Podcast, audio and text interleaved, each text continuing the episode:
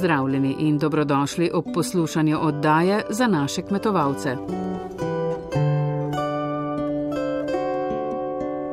Po boleči razsodbi Evropskega splošnega sodišča v Luksemburgu v zvezi s teranom bo rdeča nit današnje oddaje ravno teran. Ne bomo se mogli izogniti škodi po toči, za konec pa nas čaka še prijetnejša tema, saj oddaje ne gre zaključiti preveč pesimistično. Splošno sodišče Evropske unije je v sredo zavrnilo tožbo Slovenije proti Evropski komisiji v zadevi Teran. Slovenija je v tožbi izpodbijala delegirano uredbo, s katero je Evropska komisija Hrvaški priznala izjemo glede uporabe naziva Teran. Kot rečeno, je bila ta zavrnjena, kar pomeni, da hrvaški vinarji lahko ime Teran pod določenimi pogoji uporabljajo na etiketah za vino Hrvatska Istra. Slovenska zaščita za vino Teran pa še vedno velja, je nekaj drolec. Sodišče Evropske unije v Luksemburgu je menilo, da je tožba Slovenije neutemeljena. Skoraj v celoti je pritrdilo Evropski komisiji, ki je menila, da je sporno delegirano uredbo Hrvaški zgolj zagotovila enake pogoje kot Sloveniji, ker je tudi Hrvaška z imenom Teran označevala svoje vino že pred vstopom v Evropsko unijo. Slovenija je v tožbi oporekala načinu, kako je Hrvaška prišla do izjeme mimo ustaljenih poti, ki jih omogoča pravni red. To, da Hrvaška ne bi mogla uveljavljati svojih zahtev, ker ni bila članica Evropske unije, to ne drži, še vedno ustraja dr. Bojan Pretnar, mednarodno priznani strokovnjak za intelektualno lastnino. To ni res. Imeli so možnost ugovora leta 2006, ki je bila ta eh, označba priznana.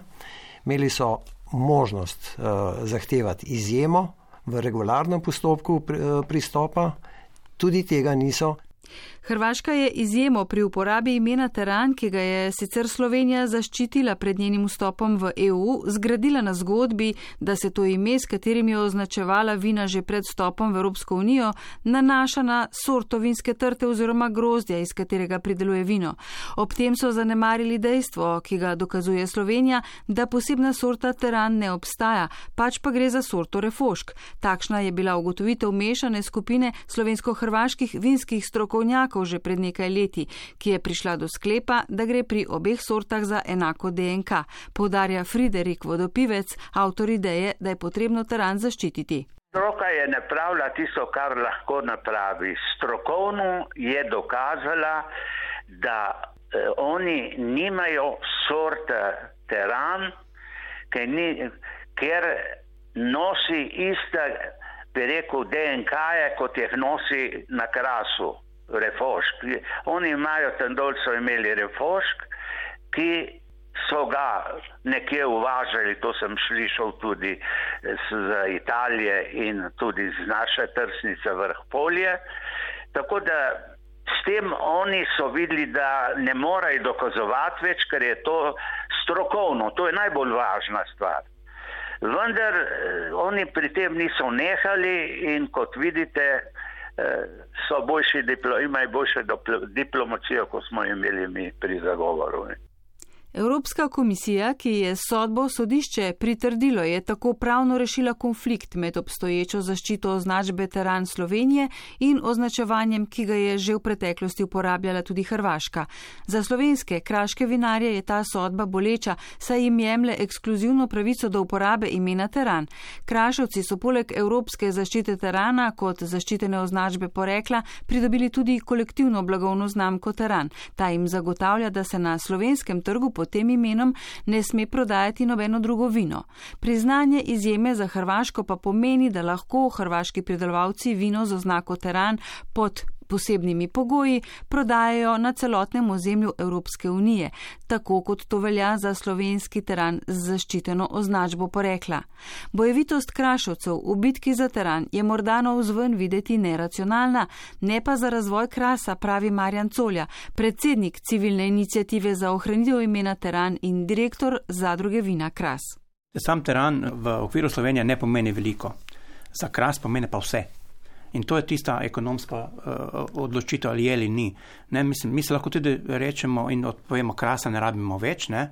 ljudje pomagajte se, pejte pa past ovce, pejte ne vem kaj delati, vinoradništvo ni vaš, vaša, vaša prioriteta, ampak uh, kmetijstvo na krasu predstavlja vinogradništvo. Od tega je pet, nekje 90% je sorte refožo za teran. V Hrvaški Istri je pa to nekje 8%, kar pomeni, da je bistveno manj pomembna sorta, kot pri nas, ne? pri nas vino. Ne? In eh, mislim, da je to izredna pomena. Ne? Mogoče, če se gleda z Ljubljane, je to tak periferni problem, pa to ni tako. Ne?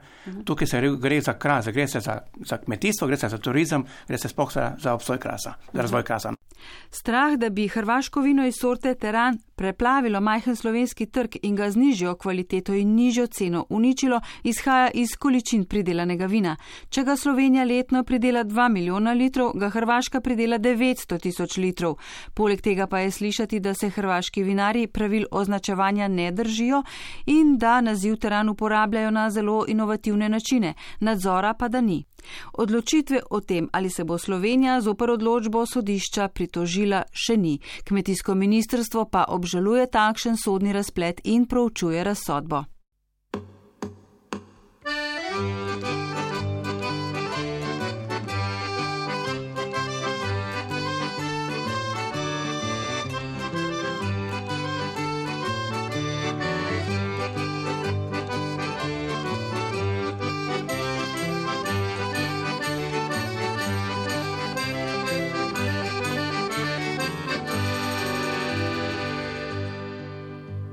Vsak metrat svoje vino ima, odkrta svet stoji.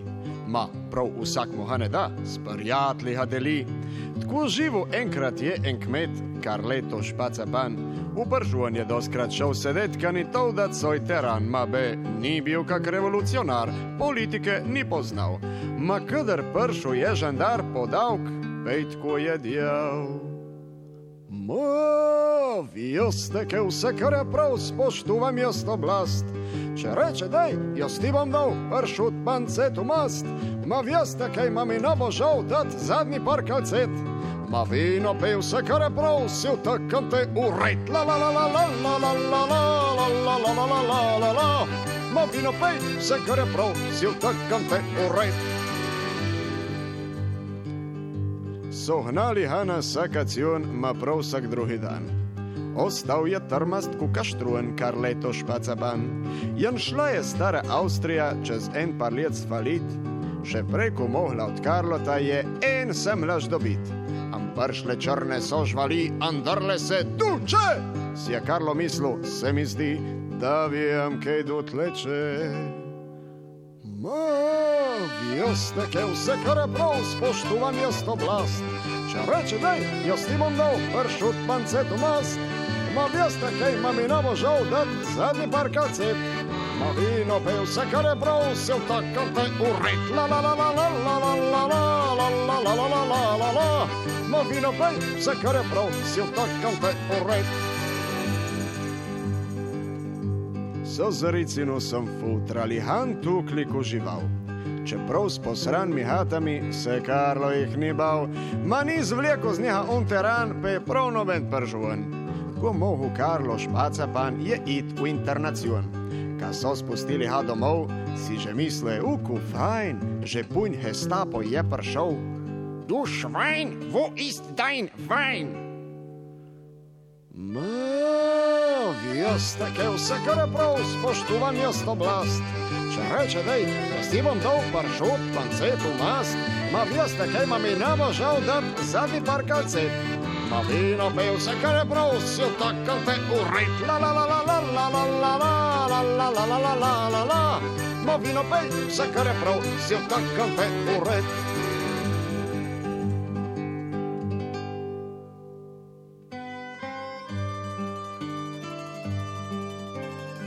Včasih v hišu srednoči je prišel partizan. E, pred njim pa je vina šparov, ni kar leto špaca ban. En vsak mu še za sabo doje tako zmeram pod roko, litru par.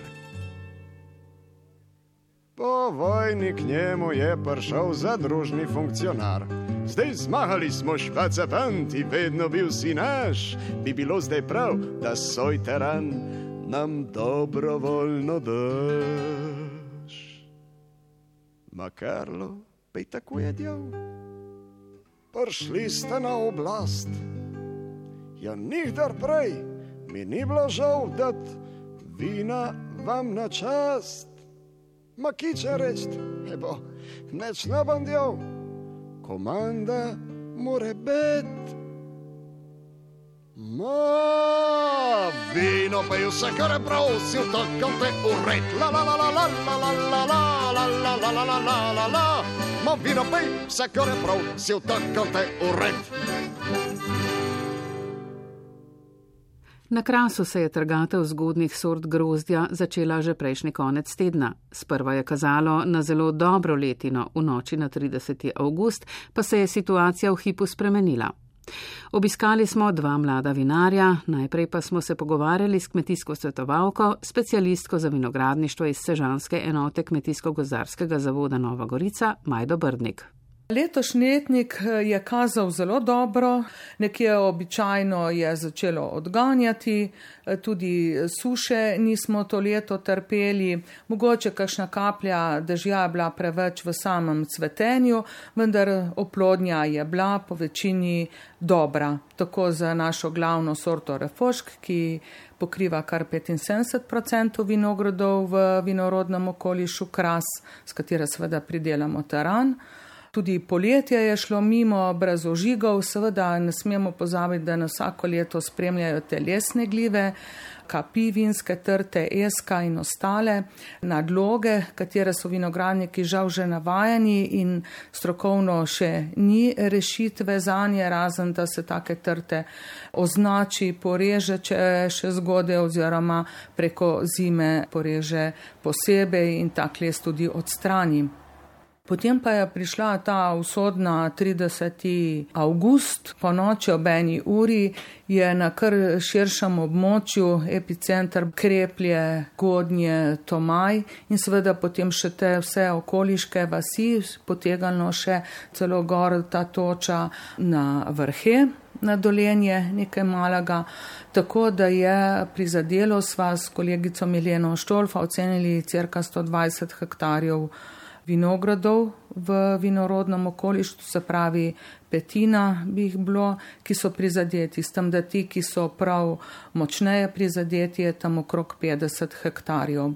Vinogradnikom smo poslali navodila, kaj potoči, narediti, šli smo tudi na teren vendar kaj pametnih ukrepov tam, kjer je bilo prav močno, so ljudje tudi rekli, ne bomo niti trgali, potem so vseeno nekaj belga, kar se je dalo rešiti, malvazija, vitovska, pa kakšne te zgodnje sorte skupine Pinojev, Šardonejev. Se je pobralo, sreča v tem, da je zdaj tudi vreme lepo, noči hladnejše, tako se tudi gniloba eh, težje razvija. Seveda problem bo z glavno sorto refošk, kajti rabi barvo, rabi maceracijo, to se ne da na hitro predelati, če hočemo pridobiti teran, tako da verjetno bo kar nekaj vinogradnikov, če nima razpršenih vinogradov še kje drugje, skoraj ostalo brez lastnega pridelka. Rekli so, da nas smo mi na vrsti to leto, zdaj deset let od leta 2002 nismo imeli večjih ujm, pač to je vedno, jaz rečem, eh, kmetijstvo je tovarna brez strehe tudi druge zaščite ni. Zdaj mogoče bo se kakšen odločil, kdaj za mrežo protitočno, bočno.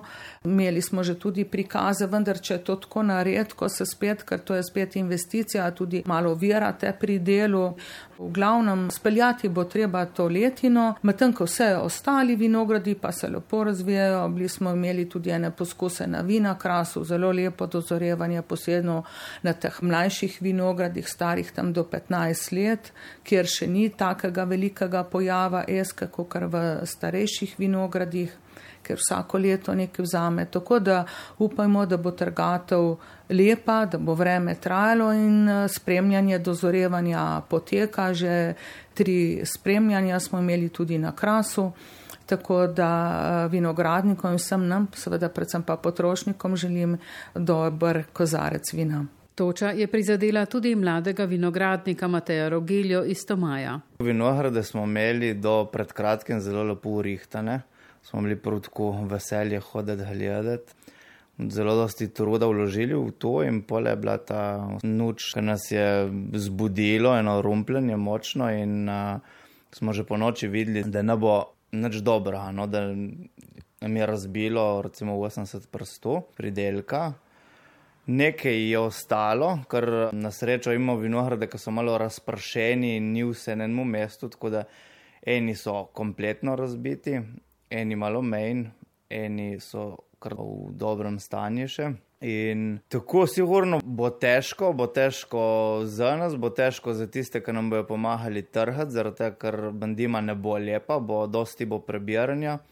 Kasno bo, jaz upam, da nekaj bomo spravili pod streho. Določene vinograde ne bomo verjetno nič trhali, kar je pač jih kompletno razbilo. Ma če ne tako ocenujemo, in jih 70, 70 postov. No. Morda jih 30 postov, da bomo pobrali, ostalo bo bo ostalo gor, oziroma bomo videli, kaj bo, ali bo dozorelo, ali pa ne. No. Na trgatev se pripravljajo tudi v vinski kleti Širca Kodrič iz Goden, ki jim je toča ravno tako povzročila precej težav in škode. Martina Kodrič. Sreča je, da imamo vinograde zelo razpršene, tako da nam ni totalno potovklo, ampak eh, težave bodo. Potrebno bo veliko dela, potem v vinogradih pri trgatvi, sprotno čiščenje, pa potem tudi v donegovanje vina kasneje v kleti. Sreča je bila, da je bil ta teden precej lep, tako da smo še poškropili, pa se je posušilo, ker je bilo tudi lepo vreme. Trgatev bo precej težav, bo veliko dela potrebnega, odvečnega, ampak tako pač je. Letos nas je to doletelo, mi zremo optimistično naprej drugega nam ne preostane, čeprav ni prijetno. Ne? Vemo, da je dotovklo precejšen eh, del Slovenije, tudi Štajersko. Na vreme navadni smrtniki pač ne moremo vplivati. Naša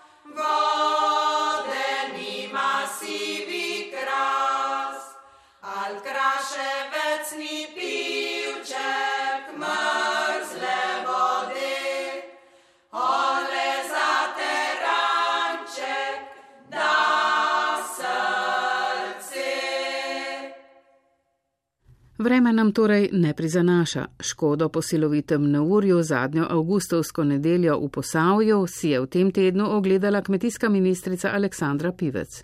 Neurje v Sevnici in Radečah je zajelo pas velik približno 17 krat 6 km. Samo v Sevnici škoda po prvi oceni presega 3 milijone evrov.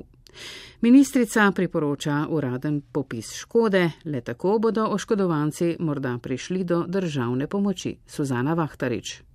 Na robu sevnice v Hribovski vasi Leskovec v Podborštu na 720 metrih nadmorske višine, kjer je le sedem hiš, so v nekaj minutah v močnem neurju ostali brez vsega, pravi Kristina Starina, Tu gor je sedem hiš, od tega so štiri kmetije, ukvarjamo se z živinorejo, poljedelstvom.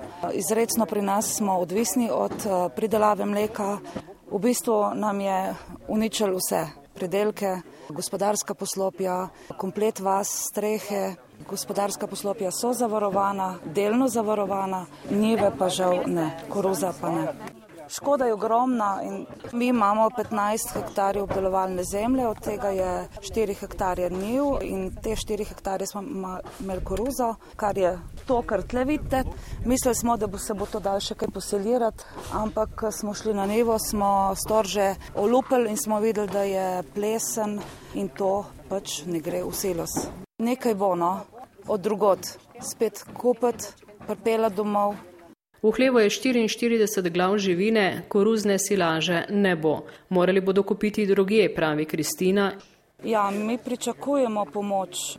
Saj na podlagi tega obiskov je bilo tle gor dovolj. Zdaj ali bo ostal sam pri obiskih ali bo še šlo kaj naprej. V občini Sevnica po trenutnih podatkih ocena škode presega 3 milijone evrov, pravi sevniški župan Srečko Cvirk. Ocenjujemo, da je bistveno preko milijona evrov poškodovanosti od škode na kmetijskih polščinah, da je približno 2 milijona eh, škode na objektih najmanj in ostale škode pa eh, niso končno ocenjene. Skupna škoda je najmanj 3 milijone evrov na podlagi trenutnih podatkov, ki še niso v celoti eh, združeni. Zagotovo pričakujemo pomoč države, predvsem na kmetijskem delu in na socialnem delu, kajti na kmetijah je poškodovano tako objekti kot poljščine in predvsem tiste kmetije, kjer živijo izključno od kmetijstva, so izredno prizadete. Hkrati pa je tudi zelo pomembno, da smo tukaj socialno naravnani pri nekaterih katerih eh, bo sanacija nemogoča zaradi socialnega statusa, starosti in podobnih eh, situacij, ki so na terenu. Po tednu dni od celovitega neurja je tudi posavje obiskala ministrica za kmetijstvo, gozdarstvo in prehrano Aleksandra Pivec, ki je prvo priporočila uradni popis škode. Uradni podatke bojo seveda dali tudi podlago za to, da lahko razmišljamo, kakšna bo tista najbolj optimalna ali pa sploh možna oblika pomoči. Seveda v prvi fazi računamo na to, da je bil pridelek vsaj v nekaterih, v nekem obsegu zavarovan, zato ker seveda škoda potoči se da pri zavarovalnica zavarovati in že tam naletimo na problem, ker kolikor določena škoda je zavarovaljiva, se potem je nemogoče neopravičena državna pomoč za isti namen. Zato predvsem se razmišlja o dodelitvi državne pomoči tam, ker je bila povzročena škoda od vetra, zato ker tistega še ni moč zavarovati. V drugih primerjih bomo pa seveda pogledali potem, ali je možno pripraviti tudi kakšen interventni zakon, ki bi ga seveda pripravili za vsa območja v Sloveniji, ki so bila prizadeta in potem znotraj interventnega pogledati, kakšne so možne oblike pomoči, s katerimi bi lahko tudi predelovalcem pomagali. Naravne nesreče se pogosto ponavljajo, zato prihodnjo finančno perspektivo usmerjajo podporo tehnoloških postopkov za zaščito pridelkov, razmišljajo tudi o nekaj drugih možnih oblikah pomoči, je v sevnici prizadetim pojasnila Aleksandra Pivec. Ja, naravne nesreče so nekaj, na kar žal nimamo vpliva, vedno pogostejše so, torej temu smo priča in tako bo najbrž tudi v prihodnje, zato je potrebno iskati predvsem in tudi investirati v vse možne oblike zaščite.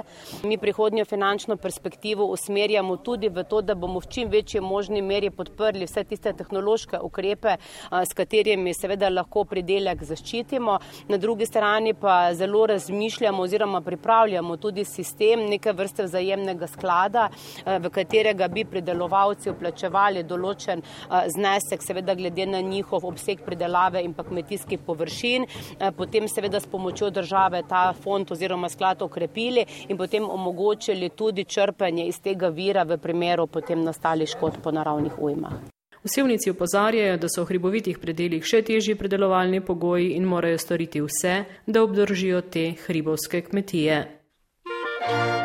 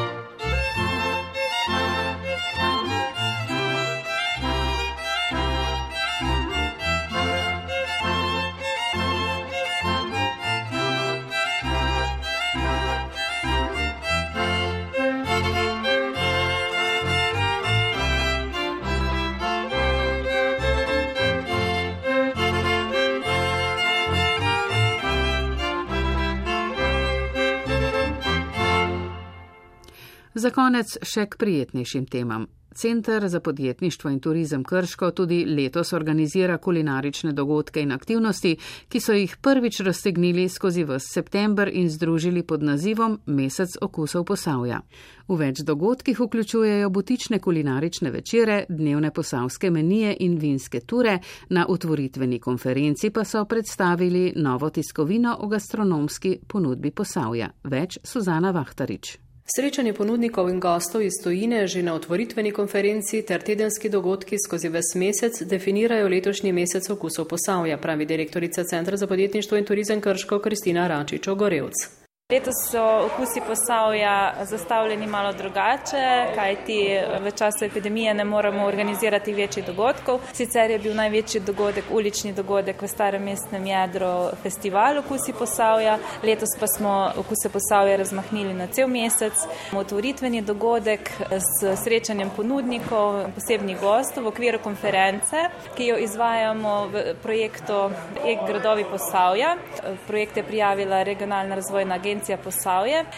Sledijo še druge aktivnosti v sklopu tega projekta. Mi pa želimo nekako prikazati eh, gastronomijo oziroma pomen gastronomije za razvoj regije. Posavje je biser, dodaja Kristina Račič-Ogorevc, ki ga tudi skozi gastronomijo skušajo približati turistom. V regiji Posavja imamo zelo velik potencial na področju gastronomije, kajti smo tudi že v osnovi zelo kmetijska regija, imamo, pridelujemo različne kmetijske eh, pridelke, eh, ukvarjamo se z različnimi panogami in pač ni slučaj, da je tudi gastronomija ena od vodilo naše turistične ponudbe. Zato skozi ta mesec v okusih Posavja nizajo številne dogodke Senija Kragel. Smo najprej razmišljali, sploh kaj delamo ali ne delamo, ampak so naši ponudniki prišli na krasne ideje, tako da smo rekli, da bomo vseeno nekaj naredili in smo kar cel mesec okusov posavja naredili. Tako da tvoritveni večer, kjer imamo tudi konferenco, potem se pa vsako sredo naprej dogaja. Torej v Ošteriji Debeluh, gorme večer, kjer se bojo predstavili štirje posavski kuhari in seveda kombinaciji z vinarji. Eh, potem naslednjo sredo, torej 16. je na posestvu Albijana večer posavskih penin, ravno tako v kombinaciji z kulinariko. To je teden, ki je namenjen bolj vinarjem in v tem tednu organiziramo tudi dve vinski turi, celodnevna na temo Frankinje. Ena bo pa dvodnevna, 17.18., kjer bo pa preplet vin in kulinarike v posavju. No in zaključujemo 23.9. v gostilni Repoš, kjer se bojo pa seveda spet predstavili ostali štirje kuhari posavski v kombinaciji z vinarji.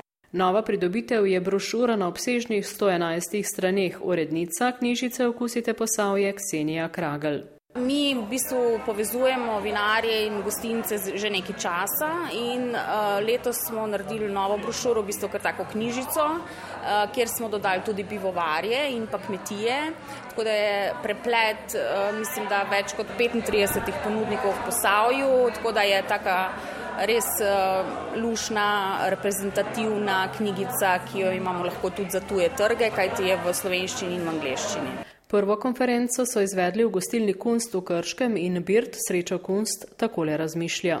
Zelo vesel, da se je dosti gostincev odločilo, da bo v tem času posavskega meseca ponudilo svojim gostom nekaj iz našega okolja, se pravi, da bo pridelana hrana pri nas, da bojo se tipične stvari, ki so za posavje. In, uh, več, ko nas bo to zadevo podpiralo, več, ko nas bo sodelovalo, močnejši bomo, ljudje bodo reči prihajali. Jaz mislim, da je to projekt, ki bo trajal še kar nekaj časa, da bomo dosegli željeni učinek.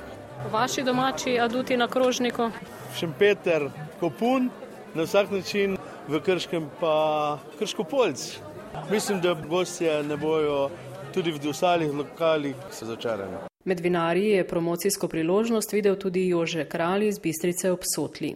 To je en dogodek, ko je zdaj se končno se posavje, pa malo širše območje posavja povezalo. Sedaj je en dogodek in en projekt, ko upam, da bo zaživel, pa da bo, da bo to druženje, pa da bo se tudi nazven lahko promoviralo, pa pokazalo, kaj vse premoremo v našem posavju. Je še vedno, še vedno je ta občutek, da korona visi nad nami. Ne?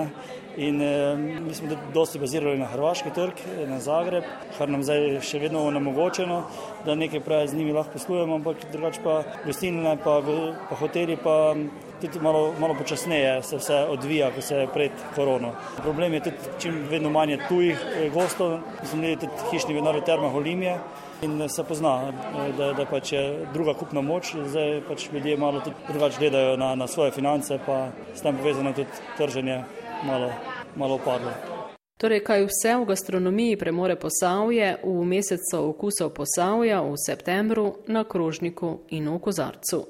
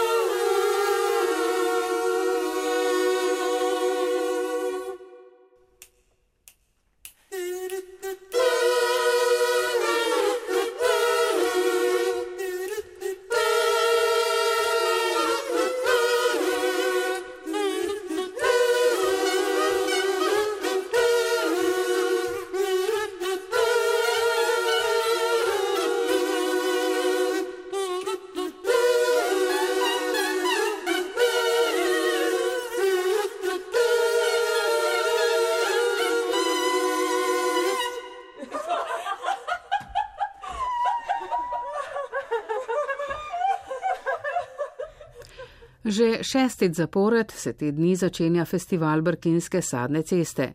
Brkini so namreč daleč naokrog poznani po odličnem sadju, predvsem jabolkih in češpah. V času festivala številne turistične in sadjarske kmetije ter gostilne obiskovalcem nudijo značilne brkinske jedi iz domačih pridelkov, med katerimi je vedno tudi brkinsko sadje. Nataša Matevlič, razvojni center Divača. Letos sodelujejo občine Pivka, Ilirska Bistrica, Divača in Hrpelje Hozina v sodelovanju z Društvom brkinskih sadjarjev. Letos smo se, kot vsi ostali, podredili ukrepom in priporočilom NIEZ, kar pomeni, da bojo dogodki na prostem, to vključuje delavnice, pohode, različna kolesarjenja. Prvič posegamo tudi v Mitski park v Rodiku ki je v nastajanju. Ne bo manjkala niti kmetijska tržnica v Veljerski bistrici, kjer se predstavijo uh, sadjarji z ocenjevanjem sadnih sokov in žgan. Kot pravijo sadjarji, sadja je letos obilo.